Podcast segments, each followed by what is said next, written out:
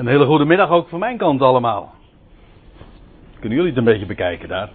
Ja, oké. Dat is mooi. Het is me een groot genoeg om hier eh, vanmiddag weer te mogen zijn op deze stralende zondagmiddag. En terwijl het eh, voorjaar weer nadert, gaan wij ons eens bezighouden met dit thema: groeien en vrucht dragen. En terwijl de natuur in aanstalten is om, om te gaan ontluiken en om weer in, in volle groei te gaan. En daarmee ook het begin te maken van vrucht dragen. Gaan wij ons, maar deze inleiding is enigszins willekeurig, dat geef ik direct toe. Eh, Gaan wij ons eens bezighouden met Colossense 1. Want daar wordt ook gesproken over groeien. In meerdere opzichten. En met vrucht dragen. En dan begin ik te lezen in vers 12. Eh, nee, daar eindig ik. Met vers 3 dus. Vrijwel dus bij de aanvang. Nadat Paulus zichzelf heeft voorgesteld. Zijn lezers heeft aangegeven. En een groet doet. Gaat hij voort, of begint hij, zo u wilt, met te zeggen: Wij danken God, Vader van onze Heer Jezus Christus, omtrent jullie, bij ons bidden. Wij danken God. En daarmee is in feite ook wel de toon gezet. En we zullen zien ook dat waar het hier ook mee begint, daar eindigt deze passage, zoals we dat aan het einde van deze middag ook zullen zien, ook weer mee. Met dankbaarheid. Zodat eigenlijk dit hele gedeelte is ingeklemd in pure dankzegging. Dat voert de boventoon en dat zet daarmee, of zo anders geformuleerd, ook uh, de toon. Dank, eucharis, hè, dat is het woord waarin ligt besloten dat alle ogen gericht zijn op genade, op, op, op vreugde die om niet gegeven wordt. En dat is ook precies wat dankbaarheid is. We danken God. En wie die God is, wel, dat is de Vader van onze Heer, Jezus Christus. En we danken altijd omtrent jullie. Hij is zeer enthousiast over dat wat hij vernomen heeft van de Kolossers of Colossensen, zo u wilt. En hij dankt altijd bij ons bidden. En dat gebed, wel, daar gaan we straks wat meer ook op inzoomen. We lezen eerst nog eventjes voort om bij dan vers 9 uit te komen. En daar zullen we ons dan ook wat meer bij bepalen. Gehoord hebbend, overigens, maar dat weten de meesten van u inmiddels wel. De tekst die u hier ziet, dat, is nogal, dat sluit erg sterk aan bij de. Oei. Ziet u het?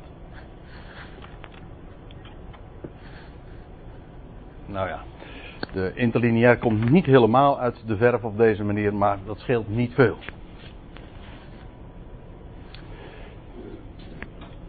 Uh, had ik al gezegd dat de, de tekst zo uh, direct aansluit bij, uh, bij de interlineair en dus, dus niet helemaal samenvalt, of helemaal niet soms, met de MBG of de Statenvertaling. Maar als Paulus dan zegt van wij danken altijd bij ons bidden, gehoord te hebben namelijk van jullie geloof in Christus Jezus. En ook de liefde die jullie hebben voor al de heiligen. Dat was Paulus ter oren gekomen, want Paulus was zelf, zo weten wij ook uit het vervolg van deze brief, nooit in Colosse geweest. Hij kende deze gelovigen niet van aangezicht tot aangezicht, maar hij had van hen gehoord en van hun geloof in Christus Jezus. En daaruit voortvloeiend ook de liefde die ze hadden voor al de heiligen. En vooral dan dat motief vind ik heel bijzonder, want dan zegt hij vanwege of door de hoop die weggelegd wordt voor jullie in de hemelen. Waarmee dus is gezegd dat die hoop of verwachting de motor was van hun liefde. Want hij zegt, uh, jullie geloven in Christus Jezus en de liefde die jullie hebben voor al de heiligen. Hoezo dan wel? Waarom hadden ze liefde voor al die heiligen? Liefde, dat is agape, dat is onvoorwaardelijke liefde. Dat is dus maar niet, uh, geen liefde die gebaseerd is op, uh, nou ja, natuurlijke affecties of uh, sympathie of antipathie. Dat, dat is dat was niet de basis. Ze keken ook niet naar elkaar uh, of naar hun verleden, maar ze hadden elkaar juist lief vanwege die toekomst. Want hij zegt: de liefde die jullie hebben voor al de heiligen, vanwege de hoop die weggelegd wordt voor jullie in de hemelen. Met andere woorden, ze hadden elkaar lief vanwege dat toekomstperspectief. En ze zagen elkaar, en dat vind ik de mooiste manier om zeg maar naar elkaar te kijken. Kun je ook nooit bonje hebben, eigenlijk, toch? Uh, om elkaar aan te zien in, ja, in Christus, in wat wij straks zullen zijn en met elkaar zullen zijn. In feite, we hebben altijd problemen met elkaar door, ja, doordat je je herinnert wat die ander gedaan heeft of misdaan heeft. Of, uh, daar heb je zo je ideeën over, op grond van het verleden of eventueel het heden. Maar de liefde waar Paulus het hier over heeft, die is gebaseerd juist op het feit dat ze elkaar aankeken en lief en daarmee ook lief hadden vanwege de geweldige verwachting. Straks zijn we allemaal, zullen we in de praktijk ook daadwerkelijk volmaakt zijn. Nou, als je elkaar nu al zo aanziet als volmaakt, volmaakt in spe, zeg maar. Natuurlijk, in hem zijn wij zo al. En zo ziet God ons nu al. God ziet ons nu al zoals we straks zullen zijn. Nou, eigenlijk de kunst, maar dat is niet het goede woord. Eh, waar het om gaat is dat wij zo met die bril als het ware, met die visie, met dat, in dat perspectief ook naar elkaar gaan kijken. En trouwens ook naar onszelf. En dan zie je heel andere dingen. Ja, of je ziet, als je iemand ziet hè, en, je, en je, je neemt alles meteen mee in je beoordeling van wat je van zo iemand weet op grond van wat hij gedaan heeft, of van zijn verleden, of van zijn afkomst, whatever. Ja, dan kan er zomaar reden zijn om iemand antipathiek te vinden. Maar daar, dit staat daar haaks op. Dit is, heeft te maken met de toekomst zoals God die heeft ja, beloofd, aangekondigd. Nou, en vanwege die hoop die voor ons weggelegd is in de hemelen, daarom hadden zij elkaar lief. Ja, die is niet stuk, die is niet stuk te krijgen. Omdat de basis daarvan zo totaal anders is dan elke liefde, zeg maar, die we ja, kennen in deze wereld vanwege die hoop. En dan voegt Paulus er nog aan toe, die jullie tevoren hoorden. Die, dat slaat op de hoop, hè, die jullie tevoren hoorden, namelijk in het woord van de waarheid. En juist omdat ze, omdat ze een woord hadden gehoord waarvan ze wisten dat het de waarheid was, kun je daar ook op bouwen en kun je daar ook werkelijk je, ja, je hele leven, zeg maar, uh, op oriënteren. En zo keken ze dus met dat beeld, in dat perspectief, of op die manier, uh, keek men ook naar de wereld, maar ook naar elkaar. Ja, en dan, dan wordt alles anders. Dat was die, die hoop daarvan hadden ze tevoren gehoord in het woord van de waarheid van het goede bericht. Hè? Oftewel, evangelie. Hè? Ons woord evangelie betekent goed bericht. Ik hou ervan om het op die manier te zeggen. Niet alleen omdat ik een website waar, heb die uh, die naam heeft, maar eigenlijk niet. Het is omgekeerd. Ik heb die, die website heb ik eigenlijk omdat ik zo hou van dat woord goed bericht. Omdat het zo, ja, dat is precies wat evangelie is. Oh, Nederlands. Wat is zo geweldig aan, aan het woord? Wel, het is een goed bericht. Het is een mededeling. En of je het nou gelooft of niet, het blijft goed. Dat is het geweldige. Goed bericht. En Paulus uh, noemt het in, uh, aan het einde van dit hoofdstuk ongeveer in Colossense 1 van 3, vers 23, noemt hij het ook de hoop van het evangelie, of de hoop van het goede bericht. Dus hij zegt hiervan, jullie hebben elkaar lief vanwege die hoop, waarvan jullie tevoren hoorden, en dat was woord van waarheid, maar het was van het goede bericht. Dus het was hoop. Ja, hoezo? Wel, ze hoorden een goed bericht. En vandaar ook, het is de hoop van het evangelie. En uiteindelijk de hoop van het evangelie, maar dat is vers 20 dan, dat is dat God door het bloed van het kruis het al in hemel en op aarde, alles, het al, gaat verzoenen. Nou, dat is hoop. De hoop is, en dat is de mededeling ook, dat is de goede, uh, de goede tijding, dat God het al met zich gaat verzoenen. Welke vijand er ook mag wezen in de hele schepping, of wie er ook vervreemd is, hij gaat ze allemaal tot liefhebbers van hem maken. En het geweldige is, dat is zijn werk. Dus ook dat kan al niet stuk gaan. Vijand, en het mooiste daarvan vind ik altijd. Vijandschap is helemaal geen verhindering om verzoend te worden. Het is zelfs omgekeerd. Vijandschap is juist een voorwaarde om verzoend te worden. Want als je geen vijand bent, kan je ook niet verzoend worden. En God verzond. Dus, ja, dat is zijn werk. En trouwens, Paulus wist waar hij het over had, want hij was zelf ooit zo'n uitgesproken vijand. En hij werd verzoend. Zo zegt hij het ook. Hij werd verzoend. Nou, dat is echt een goed bericht. Woord der waarheid, het goede bericht, dat tot jullie gekomen is, zoals het ook in heel de wereld vrucht voortbrengt. Aha, daar hebben we dat voor de eerste keer dan dat begrip. Vrucht voortbrengt. Dat woord dat eh, niet alleen daar in Colosse, waar Paulus nou deze brief aan geadresseerd heeft, maar overal elders zijn werk deed. Hè? Vrucht namelijk voortbracht. En groeit. Je zou eigenlijk verwachten dat dat omgekeerd is. Hè? Groeit en daardoor vrucht voortbrengt. Maar ook vrucht groeit natuurlijk. Als iets een vrucht gezet is, dan moet dat ook weer groeien. Ik denk dat de gedachte is dat wat, uh, wat groeit, dat is de vrucht. Hè?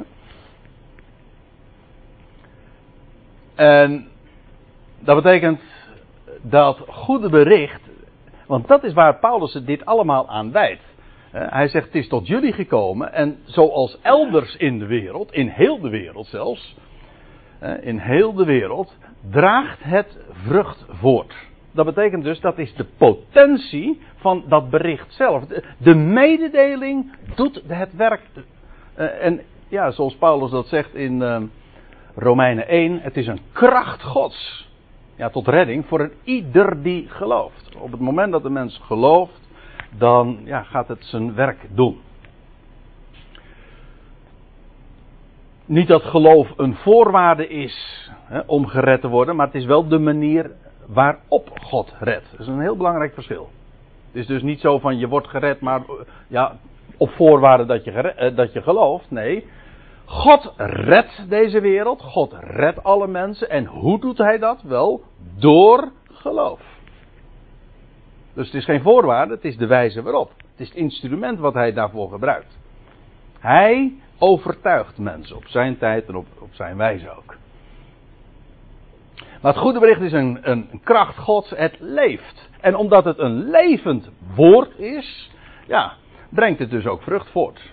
En doet het vrucht groeien. Het, op het moment dat het ja, in, dat is een ander bijbelwoord trouwens, in goede aarde valt, ja, dan ontkiemt het en ja, zoals dat, dat is eigen aan leven. Dat is geen mensenwerk, dat is, dat is, dat verbaas je je toch altijd weer over, ook als het dan voorjaar is en, en, en de dagen gaan lengen en nou, zo'n dag als vandaag worden we daar helemaal bij bepaald, als de zonlicht dan zo uitbundig schijnt, dan ja, dan doet dat zijn werk in de natuur. En het leven komt tevoorschijn. Dat is, dat is goddelijk werk. Hoe dat dan. En kijk naar de knoppen hè, in de bomen of kijk naar de, naar de tuin. Hoe alles inderdaad ontkiemt en levend wordt. Iets, de dingen die ogenschijnlijk dood zijn, komen tot leven. Hoe het kan? Je zou zeggen, het kan helemaal niet. Nee, maar het gebeurt.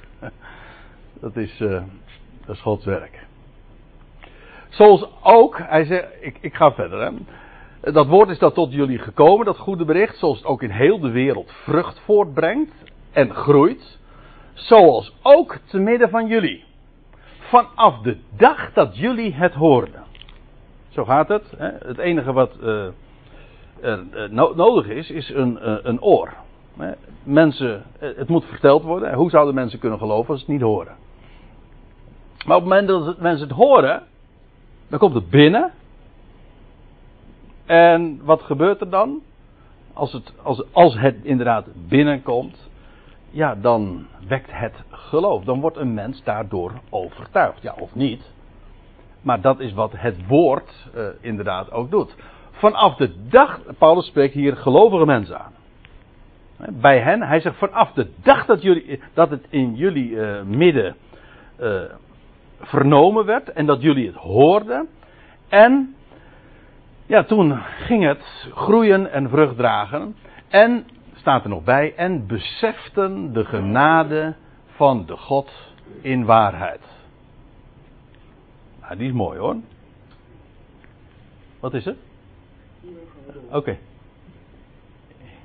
Nee, zeg het maar. Die zegt toen begon het licht te branden. Toen begon het licht te branden. Hm. Ja. Ik, ik be- begrijp niet helemaal geloof ik eh, waar het over gaat hoor. Maakt niet. Aha. We zijn alvast begonnen Nelly. Maar het ging over dat besef dus. Hè. Overigens, dat woord besef, dat is wel mooi. Want eh, dat is eh, eigenlijk. Je hebt kennis, dat is gnosis in het Grieks. Het woord gnosis betekent kennis. En je hebt ook iets wat daar op ligt, dat daar boven, op, ja, bovenop komt, dat is epignosis. Epi is een voorzetsel, betekent op. Dus het is eigenlijk op kennis. Dus je hebt kennis, maar het gaat daar bovenuit en het is daar ook op, op gebaseerd. En dat is dus meer dan kennis. Het laat, we zullen het woord nu in dit gedeelte ook nog verschillende keren tegenkomen. Eh, die, die, die opkennis, die epignosis. Maar dat is precies wat besef is. Je kan dingen weten, dat is kennis. Maar op het moment dat je het je gaat realiseren, dan wordt het besef. Dat is epignosis. Dat gaat dus boven, ja, dat gaat boven kennis uit. Ja, dat is dus echt boven kennis. Besef. Dat, eh, die realisatie. Uiteindelijk, dat is de clue. We zullen het eh, nog meer tegenkomen. Maar wat beseften zij? Die, die mensen daar, die gelovigen aan wie Paulus zich richt, daar in Colosse. Wat beseften zij? Ja, het goede bericht hebben we gelezen. En de hoop die dat met zich meebracht. Hier staat, en besefte de genade van de God in waarheid. Dus, wat ze vernamen, dat was de genade van God. Trouwens, elders lezen we, in, dat is in Handelingen 20, dat Paulus dat zegt. ehm, het, hij, hij noemt dat goede bericht van hem ook het goede bericht van de genade Gods. De genade Gods die reddend is verschenen aan alle mensen. Hij is namelijk de redder van alle mensen. Dat is de genade. Dat is, dat is ook met recht een mededeling. Dat is dus niet een verkooppraatje. Het heeft geen kleine lettertjes. Het is gewoon genade. Het is een mededeling. Hij is de redder van deze hele wereld. Dat is de evangelie. En dat hebben ze gehoord. De genade van God. Die reddend is verschenen aan alle mensen.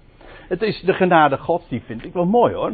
Dat Paulus het er ook zo bij zegt. En besefte de genade van God in waarheid. En ja, de vraag is dus wat is dat goede bericht? Nou, hier staat dat is de genade van God in waarheid. En dat staat tegenover de genade van God in leugen, want dat bestaat namelijk ook. Wat bedoel ik daarmee? Wel, laten we wel wezen. Dat is wat uh, in religie uh, gebracht wordt. Ik bedoel ook in christelijke religie, want laten we uh, dan maar geen doekjes omwinden. Er wordt op zoveel plaatsen over de genade van God gesproken maar niet in waarheid. Daar is, uh, ja, dan is het vermengd met werken. En dan moet ik denken aan wat je leest in Romeinen 11, vers 6. Op het moment dat je het vermengt met iets van verdienste, iets van een mens, een mens die er iets aan kan toedoen, of een mens die er iets aan kan afdoen, is geen genade meer. Paulus zegt in Romeinen 11, uh, vers 6. Uh, ja, als het uit werk is, hij zegt dan is het geen genade meer, want, nou, hoe was het? Laten we even voorlezen. Indien het nu door genade is, dan is het niet meer uit werken. Anders is de genade geen genade meer. That's it. Dat is precies wat ik bedoel. Op het moment dat je er iets van een mens aan toevoegt, ja, dan is het geen genade meer. Al is het maar een greintje. Dan is geen genade meer. En dat is het grote probleem. En feitelijk ook de reden waarom de mensheid uh, Ik bedoel ook in de westerse wereld. Uh, God niet vertrouwt. Want als, we, als, als gesproken wordt over de genade van God. dan denken wij meteen al aan, uh, aan hypocrisie. Men zegt. Men, men vertelt wel over genade. maar in werkelijkheid. Daar al, worden er altijd weer voorwaarden gekoppeld. God. Jezus Christus is redder. Ah, hij is mijn redder. Ja, als jij, als jij voor hem kiest, wordt hij je redder. Nou, dan is geloof ineens een voorwaarde geworden. Maar dat is het niet. Hij is jouw redder. En hoe word je gered? Door geloof. Maar de boodschap is, hij is jouw redder. Dat wil zeggen, hij redt jou. Hoe? En wanneer? Dat is even niet aan de orde. Maar hij redt jou. Dat, wordt dat is de mededeling. Hij is jouw redder. En op het moment dat je gaat zeggen van hij is jouw redder. Op voorwaarde dat, als jij voor, als jij gedoopt wordt of je, je bidt het zondaarsgebed of nou, zoiets. Of je gaat keurig naar de kerk. Is, geen, dan is geen genade meer. Dan is genade geen genade meer. Dan is het niet meer de genade van God in waarheid. En dat is. Uh, je krijgt, kijk, in de wereld is het heel gewoon. Je, er gaat geen week voorbij of je krijgt, je krijgt wel een paar blaadjes in de bus. Eh, en dan altijd van die reclamefolders. En uh, waar dan op staat genade. Oh nee, niet genade. Gratis. En vrijwel altijd zitten daar kleine lettertjes in. Van de week nog. Toen kreeg ik een. Ik, ik, zei nog tegen Peter. We kregen, wat, hoe, hoe tricky en hoe link men dat uh, doet. We kregen we een, uh, een, uh, iets van de. Wat was het? Van de staatsloterij. En, um, en dus. Nou ja, gewoon een gratis lot. Een gratis lot. Maar er stond bij. Eerste lot gratis. Met andere woorden, je kon, het was inderdaad een gratis lot. Maar op het moment dat je het inleverde uh, moest er wel een tweede lot natuurlijk uh, zijn. En die moest je betalen. Dus uiteindelijk, om dat in te leveren, moest ik uiteindelijk toch betalen. Ondanks het feit dat ze het gratis. Ik bedoel, dat zijn kleine lettertjes. Hè? De meeste mensen hebben dat niet in de gaten. Goh, dat kun je toch niet laten liggen. Maar ik bedoel daar dit mee te zeggen. In de wereld is dat gewoon. Hm? Uh, we vertrouwen het niet. Ik weet nog heel goed, mijn broer Dirk zit er achterin. En we, hadden, we waren ooit, eventjes helemaal iets heel anders, maar we waren een keertje op een, op een een of andere tuinbouwbeurs, er in weet ik veel waar. En uh, toen hadden wij een, en dat, waren, was een hele dure toegang. En we hadden een, een paar kaart, gratis, gratis kaarten. En toen gingen we in de reis, uh, die waren een, paar tientjes of zo, het was echt, echt wel uh, prijzig. Hè? 30 gulden per stuk. En toen, ik weet nog, mijn broer Dirk, die ging ze gewoon even uitdelen. Want ja, wij hadden al uh, toegang gekregen, dus we hadden die, dingen gewoon over. Dus ja, gewoon, moet je ermee? Ja, mee naar huis nemen. Nou, we, delen ze dan maar uit. En die ging ermee leuren. En dan raakte ze niet kwijt. je vertrouwt het niet. Je vertrouwt het niet. Mensen vertrouwen het niet als je zomaar iets krijgt. Want dan denk je altijd van, hé, hey, daar zit een luchtje aan. Dan geloof je, je gelooft het niet. Ik weet niet meer hoe dat afgelopen is.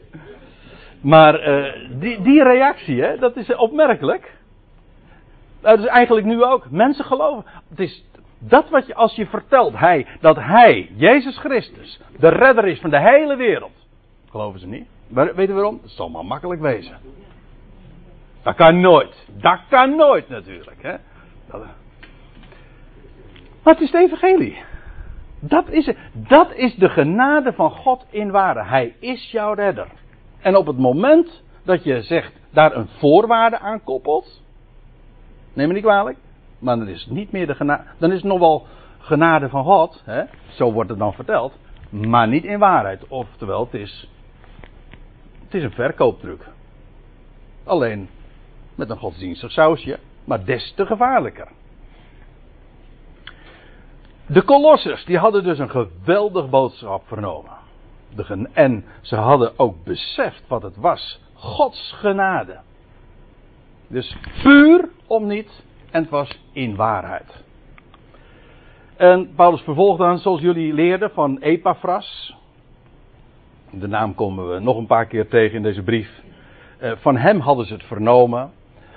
En dus Paulus zelf had daar dus uh, niet gepredikt. En Paulus zegt, die Epaphras dat is een geliefde medeslaaf.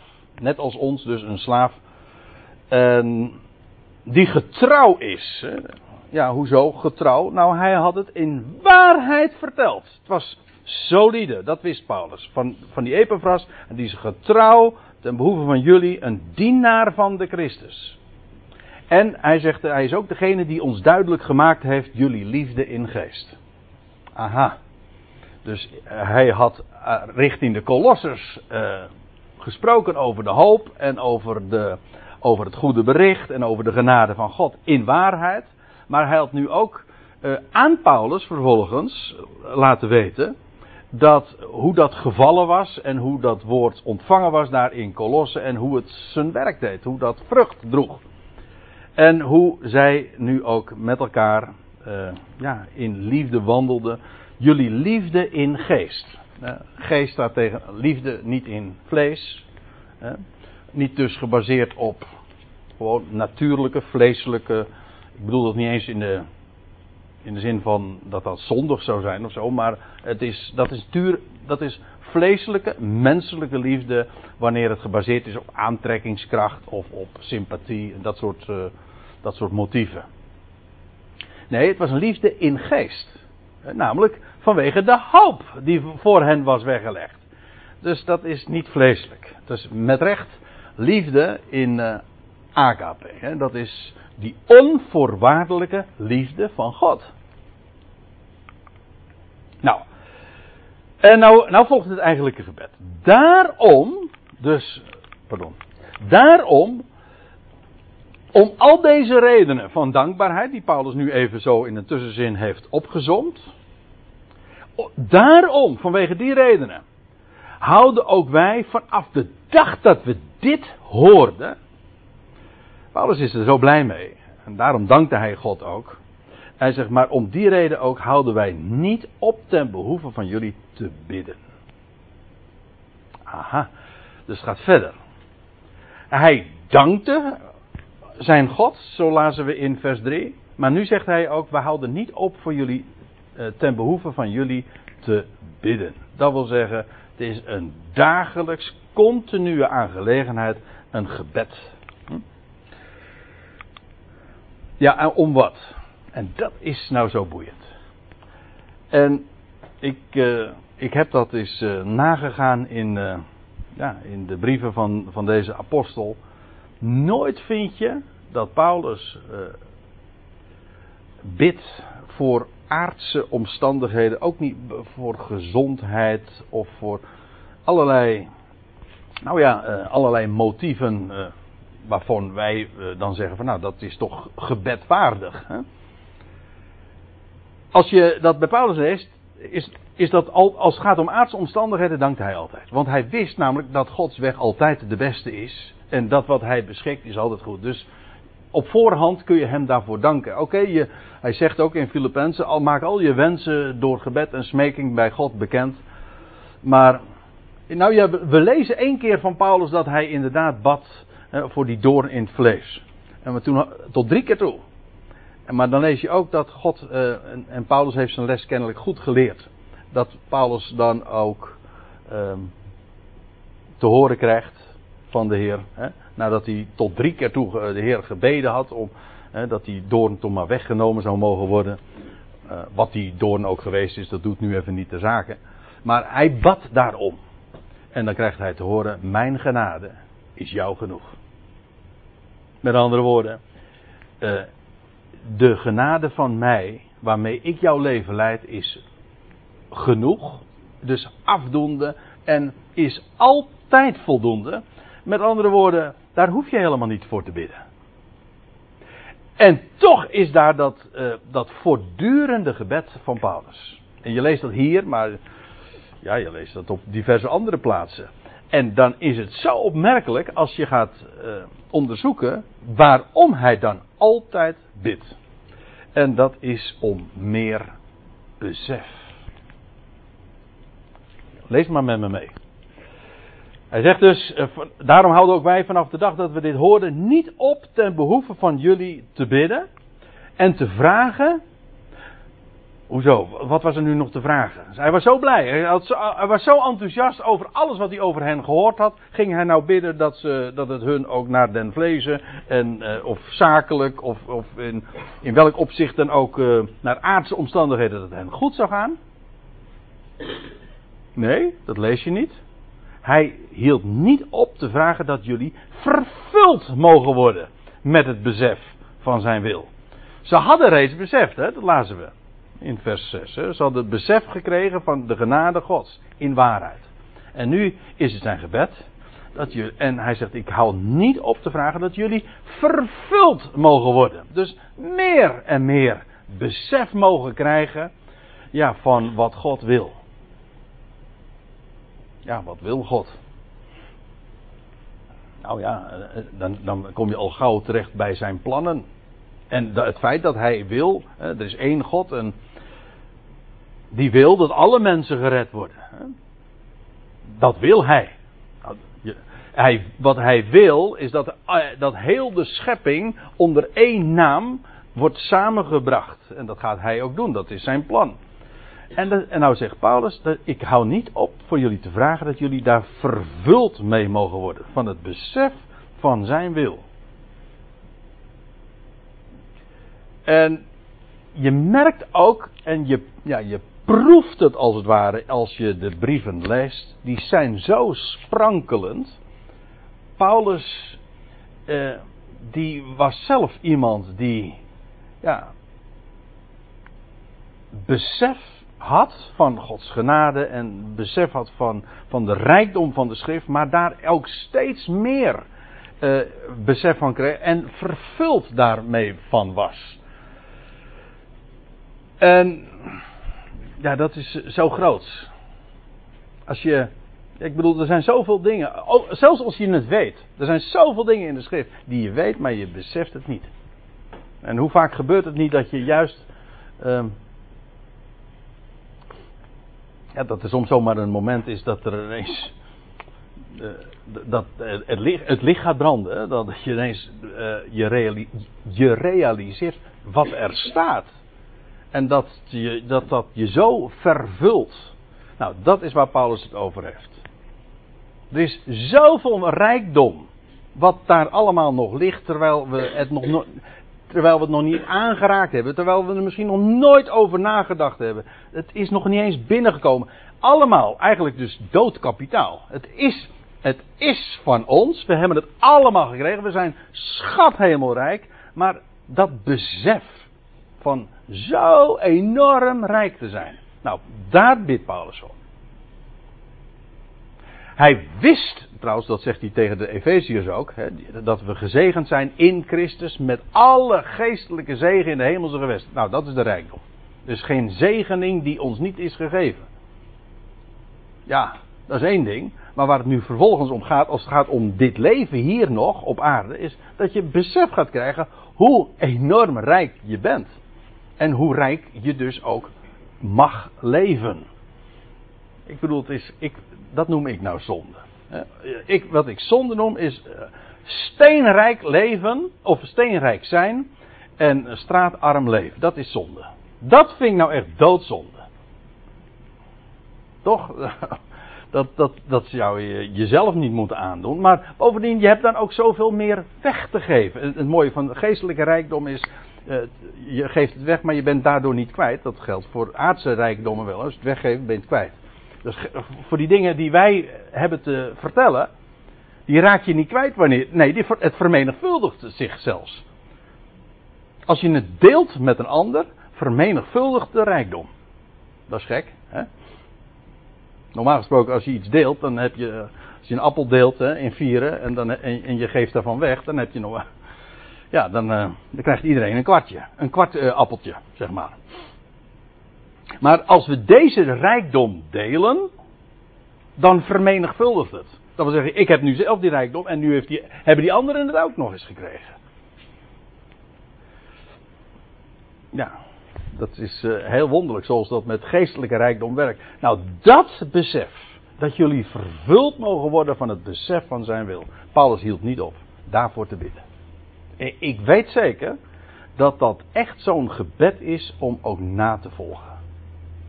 Dus het beste gebed wat we over het gebed des Heren gesproken. Dit is het gebed dat, dat Paulus heeft geleerd van zijn hemelse Heer, van Christus. En hier hield hij niet op om, uh, om voor te vragen en voor te bidden. Dus om vervuld te mogen worden van het besef van zijn wil. In alle wijsheid staat er. En geestelijk inzicht. Wijsheid, is mooi. Wil het even kort even aanstippen. Maar dat, het Griekse woord voor wijsheid, dat kennen we allemaal wel, dat is Sophia. Maar uh, het is uh, erg onbekend wat de afleiding van dat woord is.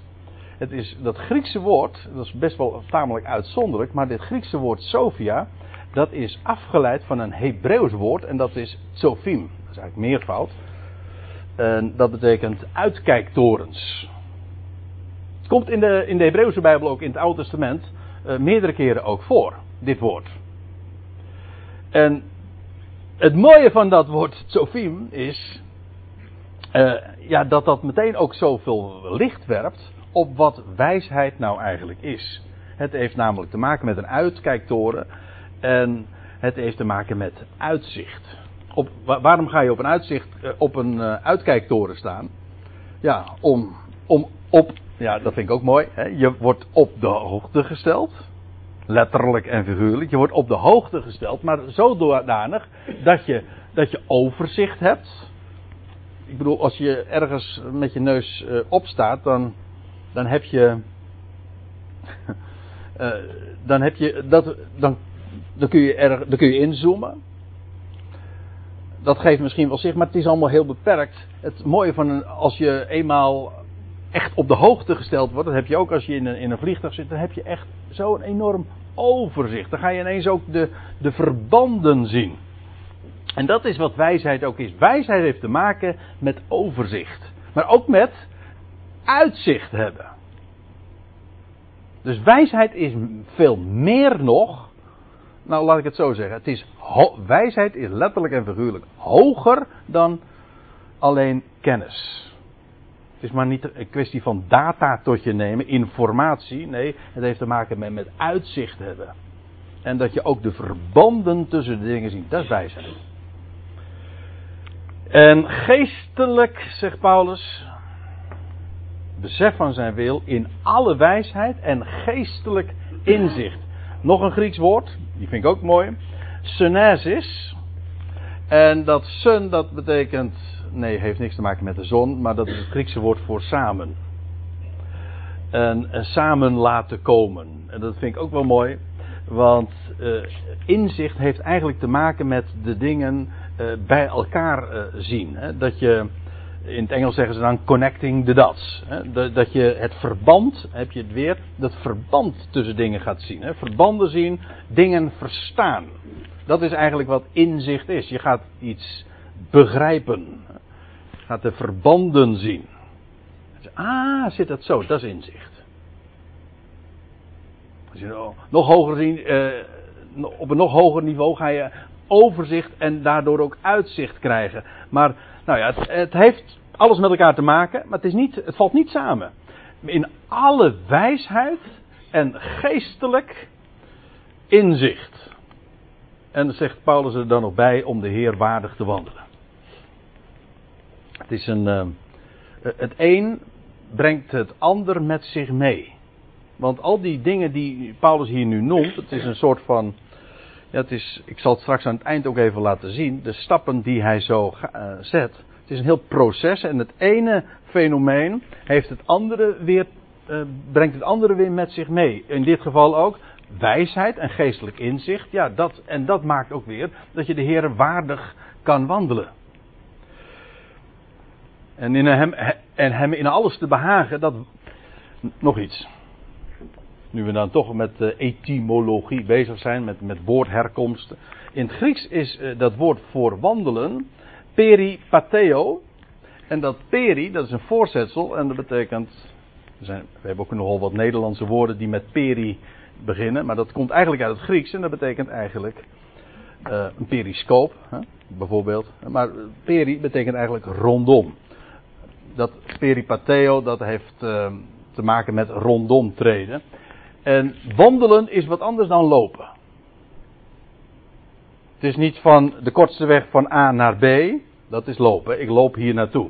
Wandelen, zeggen ze in, zeggen ze in uh, of op Urk niet kuieren. Ja, kuieren. En dat is dus niet, dat is wat anders dan lopen. Je loopt, van, je loopt van A naar B en dat doe je de kortste route. Maar iemand die wandelt, ja, die maakt eigenlijk een ommetje dus. In, uh, ik zag ook in vandaar, ik heb het even nagekeken. Maar eigenlijk uh, wandelen betekent ook rustig lopen. Het, heeft, het gaat niet zozeer om de route die je kiest of waar naartoe je gaat. Het gaat om de sfeer waarin. En uh, ja, een omweg maken, een, vandaar ook dat rondom, een ommetje maken. Ik vond trouwens ook no, nog iets uh, bijzonders. Ik vind dat altijd een mooi onderwerp. De herkomst van woorden. Maar wandelen, dat komt eigenlijk, dat is verwant aan het Griekse, of het Nederlandse woord wenden. En kijk het maar eens na in, uh, in een etymologisch woordenboek. Wandelen betekent eigenlijk veranderd worden. Dat wil zeggen, je wendt je, ik bedoel in de zin van wenden, uh, je, je omkeren, je, je richt je op iets anders. Wandelen, de, gedachte bij wandelen is dat je even um, uh, een, luchtje, een luchtje schept, ja. En even tot rust komt. En dan gaat het eigenlijk helemaal niet om de route die je uh, loopt, ook niet om de bestemming. Het gaat juist om de rust en om het innerlijk. Bij wandel, en dat is wat ik bedoel te zeggen, gaat het niet om dat je de ene been voor de andere zet. En ook niet om het tempo, dat doet allemaal niet de zaken. Het gaat om de sfeer waarin je, dat, waarin je bent. En waarom vind ik dit zo belangrijk? Wel, die wandel, uh, wij gaan wandelen. Uh, waarom, waarom doet de mens dat in het algemeen? Nou, je bent om even tot rust te komen. Toch? Je, je, gaat wandelen om tot rust te komen. Of, of om met iemand even van, gedachten te wisselen. En dan maakt het eigenlijk niet uit welke route je, je, je neemt. Uh, je, want je loopt eigenlijk toch. Uh, je loopt een ommetje. Je loopt rondom. Eigenlijk loop je gewoon een rondje. Je komt gewoon weer uit waar je, waar je begonnen bent. Dat is een wandeling. Maar je doet het juist in rust. Om je gedachten. Om weer even te resetten, hè, zeggen we dan. Ik ken iemand. Het is namelijk mijn eigen vrouw. Nou, die gaat dan niet wandelen. Die gaat dan, die gaat dan hardlopen.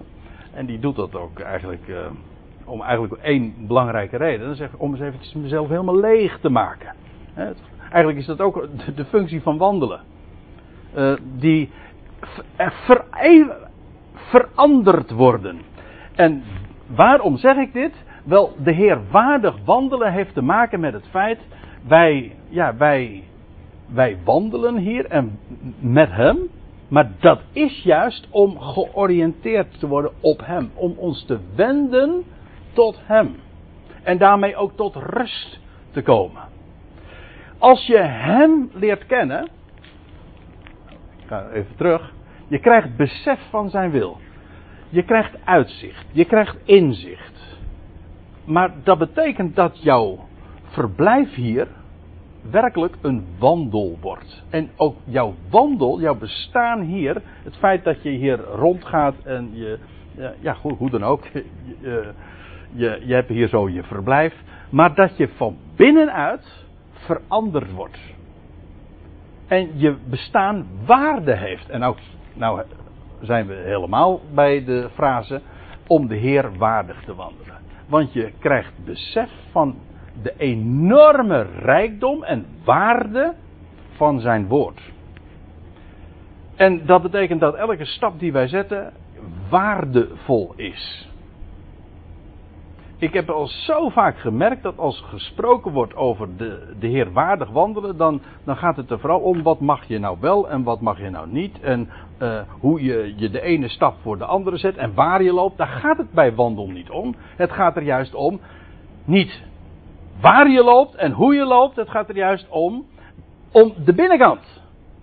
Dat je veranderd wordt, ja. Dat je je wendt tot, ja, tot hem. Dat is wat, wat echte wandel waardevol maakt. Nou, wat hier Paulus zegt is dat de, de, de wandel van deze kolossers daardoor ook waardig zou worden. Waarde zou krijgen en daardoor ook hem in alles te behagen.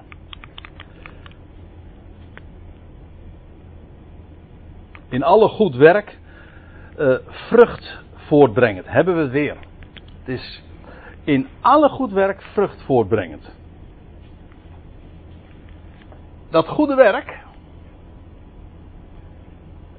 ehm, dat, is, dat is juist ook vrucht. In alle goed werk, dat, dat wat je mag doen, wordt daardoor ook goed. Maar het is zodanig, het is leven, het brengt namelijk vrucht voort. Ja, ik heb hier nog een andere associatie bij. En dat is dat die. Maar in feite heeft het alles met elkaar te maken. Die wandel heeft te maken met het feit dat we eh, ons wenden tot Hem. En ons vullen met alles wat waarde heeft. En daardoor krijgt onze wandel inderdaad eh, met recht eh, waarde. Maar ook daardoor, alles wat we doen, wordt daardoor ook goed. En is zelfs levend, het brengt vrucht voort. Het is het resultaat van licht en water. En u begrijpt, beide zijn een type van het woord van God. Hoe gaat dat met de dingen in de natuur? Ja, hoe komt iets tot groei? Hoe komt iets tot bloei? Hoe komt iets tot vrucht en wasdom? Nou ja, dat is een, heel dat is een complex verhaal, maar het komt er toch in, in de praktijk op neer. Het krijgt licht van boven. En het, het, het wordt, maar dat is een ander beeld, wat Lip, eh, wat eh, bij aanvang even voorlas uit eh, 1 Korinthe 3. Het wordt bewaterd, hè? Het, het krijgt water. En daardoor komen de dingen tot groei en bloei. Maar zo is met ons leven ook. Kijk, je kunt natuurlijk zeggen van als je ooit eh, hem hebt leren kennen, de genade gods. Paulus had kunnen zeggen van nou ik, hoef, ik, ik dank alleen nog maar voor hen. Want ze hebben de genade van gods in waarheid leren kennen. That's it. Nee, Paulus bad dat ze nog, er is namelijk nog zoveel meer en dat ze beseffen van, van dat alles zouden gaan krijgen. En dat ze daar vervuld van zouden worden. Dat ze uitzicht zouden gaan krijgen en dat ze nog meer zicht. Er is zo enorm veel te ontdekken en nog eh, ja, ja, te bestuderen, te onderzoeken. Er is nog zoveel waarde waardoor onze bestaan hier echt een wandel wordt en, en waardoor alles wat we doen ook werkelijk goed wordt. En waardoor het ook vrucht voortbrengt. Het is levend, want dat wat wij horen en vernemen, dat is zo, eh, ja, zo groot, maar het, is, het leeft ook. Het is hoopvol en het is. Dat is precies ook wat we aan andere mensen eh, kunnen doorgeven. In de verhoudingen waarin je staat, en per slotverrekening, hoe dan ook, eh, we staan allemaal in bepaalde relaties. Het zij dat je eh, op je werk, dan heb je collega's, je zoals Paulus dat trouwens ook in deze brief naar voren brengt. Of in de, in de huiselijke kring. Je hebt een vader of je bent moeder of je bent kind. Je staat allemaal in een bepaalde positie. En je leert in die positie waarin je geplaatst bent. Ja, je plaats in te nemen. En daardoor wordt alles wat je ook doet. Uh, goed. In alle goed werk vrucht voortbrengend. En let op. En dat vind ik heel belangrijk om te zeggen. Alles wat hier gezegd wordt dat is het werk dat Gods woord door ons heen doet. Paulus bidt ook dat God ons, hè, of hier in dit geval van de Kolossers, dat Hij dat zou werken aan en in en door ons. En hoe doet Hij dat? Ja, hoe anders dan door zijn woord. En zo ook weer nog meer groeiend in het besef van de God. Dat is de derde keer, hè? Ze hadden ooit in aanvang besef gekregen van de genade van God. Waarachtig. Vervolgens bidt Paulus en vraagt hij en houdt hij niet op te vragen dat ze vervuld worden met besef van Gods wil. En nu zegt hij, eh, in dat proces groeien ze steeds meer in het besef van de God. En ja, dan is het ook heel goed om je te realiseren dat dat goede werk waar Paulus over spreekt en dat vruchtdragen, dat begint inderdaad met kennis. Je moet, je moet, je moet dingen weten. Je moet, het, je moet sowieso het goede bericht kennen om, om dat ook te kunnen geloven. Maar ook om, de, ding, om die, de dingen waar hier over gesproken wordt, over die waarden, om dat werkelijk te uh, beseffen. Ja, moet je het horen, moet je die dingen ook inderdaad uh, tot je nemen, je eigen maken. Alleen zo krijgt je leven waarde. Daarom doen we ook schriftstudie. We zongen was toch dat. Uh, nee, we gaan straks niet zingen. Maar het is een kinderliedje. Wat, wat moet je dan doen als je groeien wil? Hm? Als je groeien wil. Hè? Lees je Bijbel. Lees je Bijbel. Gewoon, lees je Bijbel. In de schrift, daar staat het allemaal. Dat is dat licht. Dat is dat water. Heb je nodig. Dat is de enige manier. Heb je elke dag ook weer nodig om, als je, als je elke dag wil leven en wil groeien. En uh, hoe was het ook alweer? Stilstand is achteruitgang. Als niet, ook, dat geldt ook voor dat nieuwe leven. Dat heeft het nodig om gevoed te worden. En de Heer geeft gewoon dagelijks. Ik bedoel, dat woord is zo rijk. Maar om daar ook voortdurend weer bij bepaald te worden en besef daarvan te hebben. Anders kom je inderdaad ja, dan, wordt dat, eh, dan kom je op een droogje te staan. En dat het een, een, een voortdurende bron van, een opwellende bron is uh, van, van vreugde en van, van inzicht. Ook weer van vernieuwend inzicht. En ik moet er altijd aan denken dat ooit in de woestijn, toen Israël uit, uh, het, uit Egypte was getrokken, toen gaf God hen dagelijks manna. En hij, gaf ze dagelijks manna, maar het, het bleef ook maar één dag goed. Je kunt niet teren op het manna van gisteren. Dat bestaat niet. Gewoon elke dag weer, vandaar ook dat onophoudelijke, elke dag weer dat nieuwe, verse woord tot je te nemen en daar besef van te krijgen. Ik bedoel, je kan, je kan steen en steenrijk zijn en je kan, ik bedoel, in wij, laten we wel wezen, in, in dit land, in werelddeel en in ons land, we kunnen ons zo enorm veel permitteren en we zijn, eh, we zijn omgeven van rijkdom, maar dat is wat anders dan geestelijke rijkdom. Dat je een, een bron hebt van, van vreugde en van hoop. En, en ook dat besef van jongens, er is nog zo enorm veel meer wat we niet weten en waar we geen idee van hebben. En dat er nog zoveel te ontdekken valt. Alleen die avontuurlijke instelling, ja, dat is echt. Ja, dat is ook, dat is ook waardig de positie waarin we geplaatst zijn. Dat is echt een innerlijk rijk leven. Dat alles wat je, wat je mag beleven, eh, dat dat schatten en.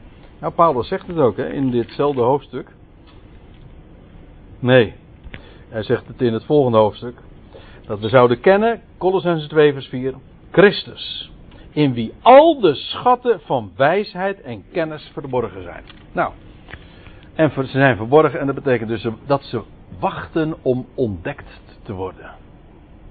Ja, en dat is heerlijk. Het is eigenlijk één, die schrift, het woord van God is een geweldige goudmijn. Waarin we voortdurend weer nieuwe dingen mogen ontdekken. En nou, daar spreekt Paulus dus over. En ook groeien in het besef van de God.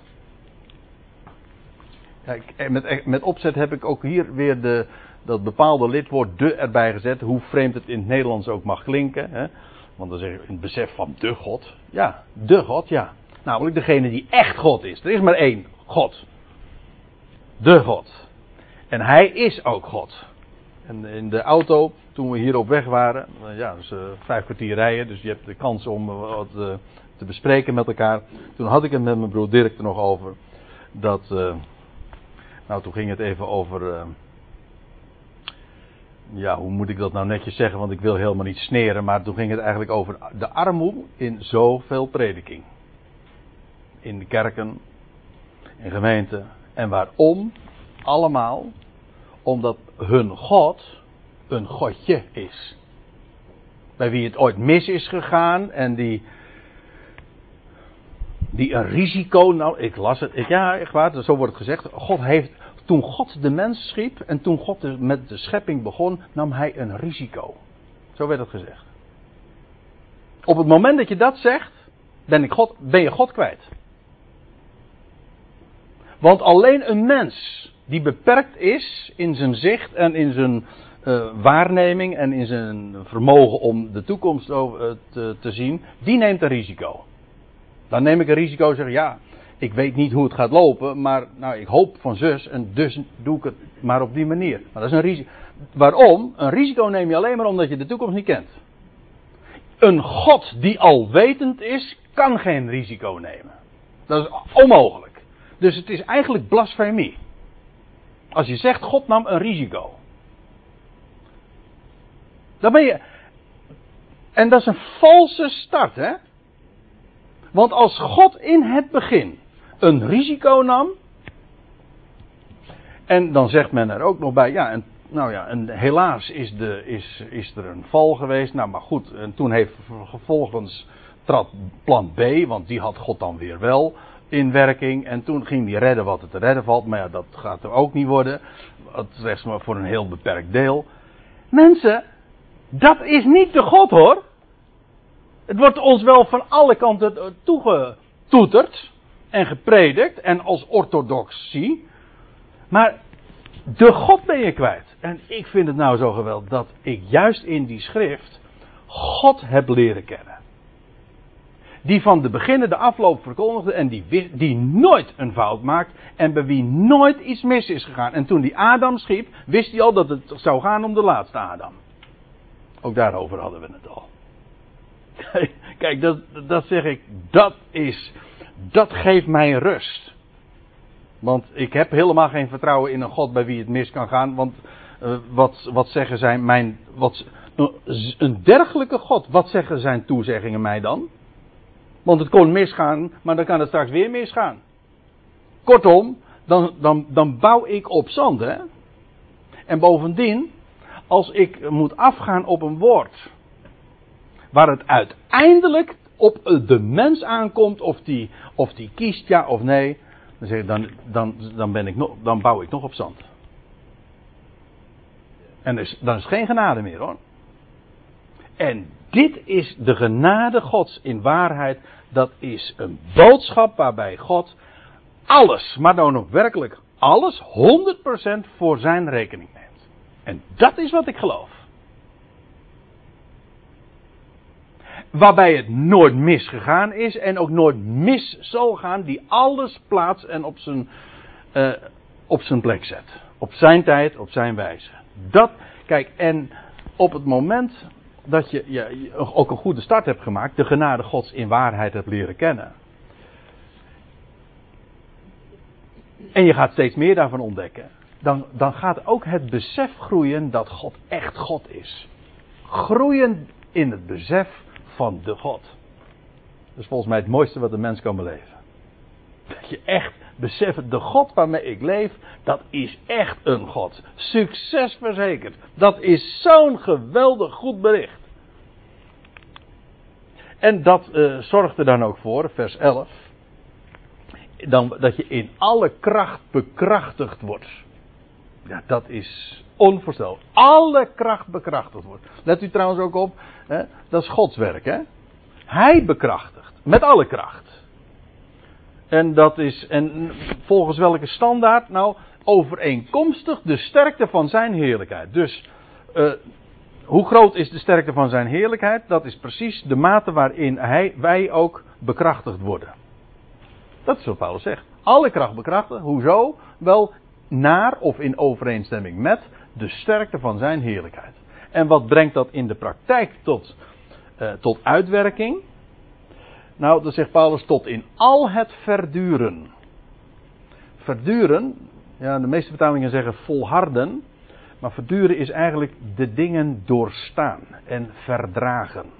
Het gaat er niet zozeer om dat jij doorgaat, het gaat erom dat je in staat bent hè, de dingen de, die je meemaakt, het lijden, want alleen lijden verduur je, hè, om, om te verduren. Ah, de, zijn kracht, waarmee wij, hij ons bekrachtigt, die stelt ons in staat om alles wat hij beschikt te verduren.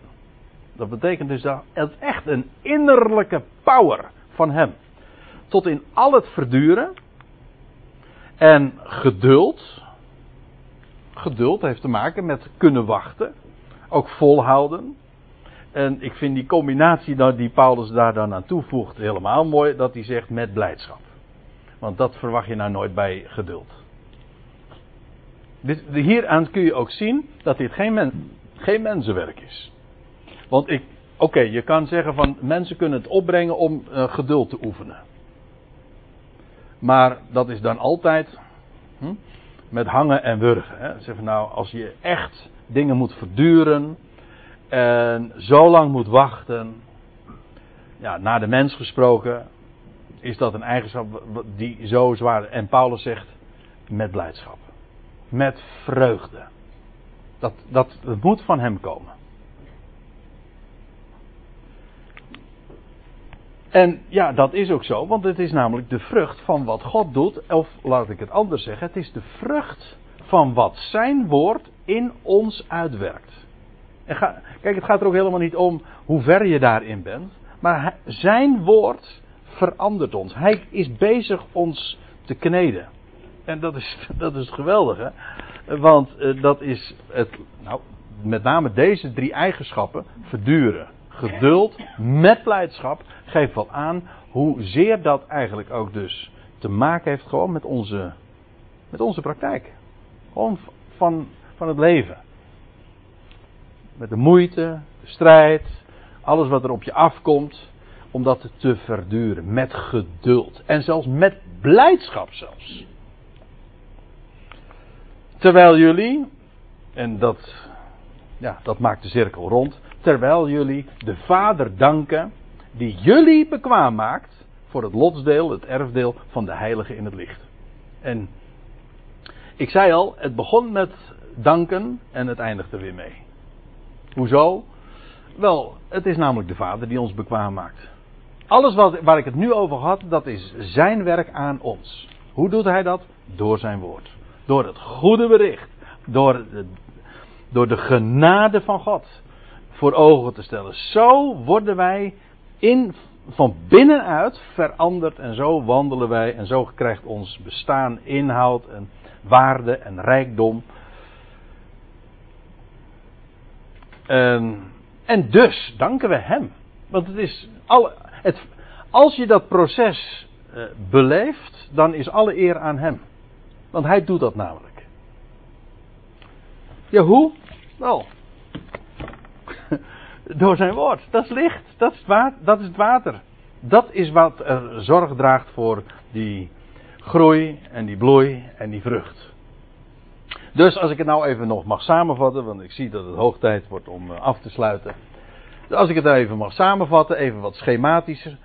Paulus begon met de Vader eh, te danken. On, in onophoudelijk gebed. Waarom? Om vervulling, vervulling van besef van Gods wil.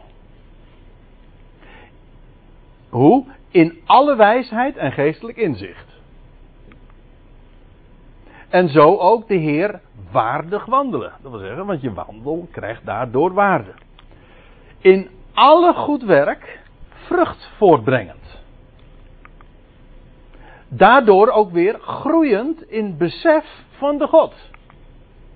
En daarin word je weer bekrachtigd in alle kracht die Hij dus geeft. En dat leidt dat je in staat bent om te verduren. Alles te verduren. In geduld. En bovendien met vreugde, met blijdschap. En dank je de Vader die ons, Hij dus, bekwaam maakt. En zo zie je dat waar het eindigt, begint het meer. En feitelijk krijg je daarmee een soort lus. Want uh, het is dus eigenlijk die geestelijke groei, dat is maar niet een, uh, een lijn, het is eigenlijk meer een spiraal. Je gaat iedere keer misschien hetzelfde rondje, maar wel iedere keer op een hoger niveau. Als u begrijpt wat ik bedoel. Dit is in feite een proces. Hier, je eindigt weer waar je begon. Ja, maar dat betekent dat je weer verder gaat. En het één, u ziet al deze blokjes, uh, die leiden weer tot het vervolg. In, uh, in het één ligt het ander weer besloten. En heeft het weer tot uh, gevolg en effect. En dit, dit gebed van Paulus, ja, ik vind het een, een, een geweldig gebed. Omdat het bepaalt bij de, bij, de, bij de schatten van wijsheid en kennis die we in Christus hebben. En hoezeer dat in staat is ja, ons te, te transformeren. Van binnenuit te veranderen en in rijkdom, werkelijke rijkdom van binnen, in het hart, te leven, te beleven en door te geven. Zullen we het uh, voor vanmiddag daarbij houden?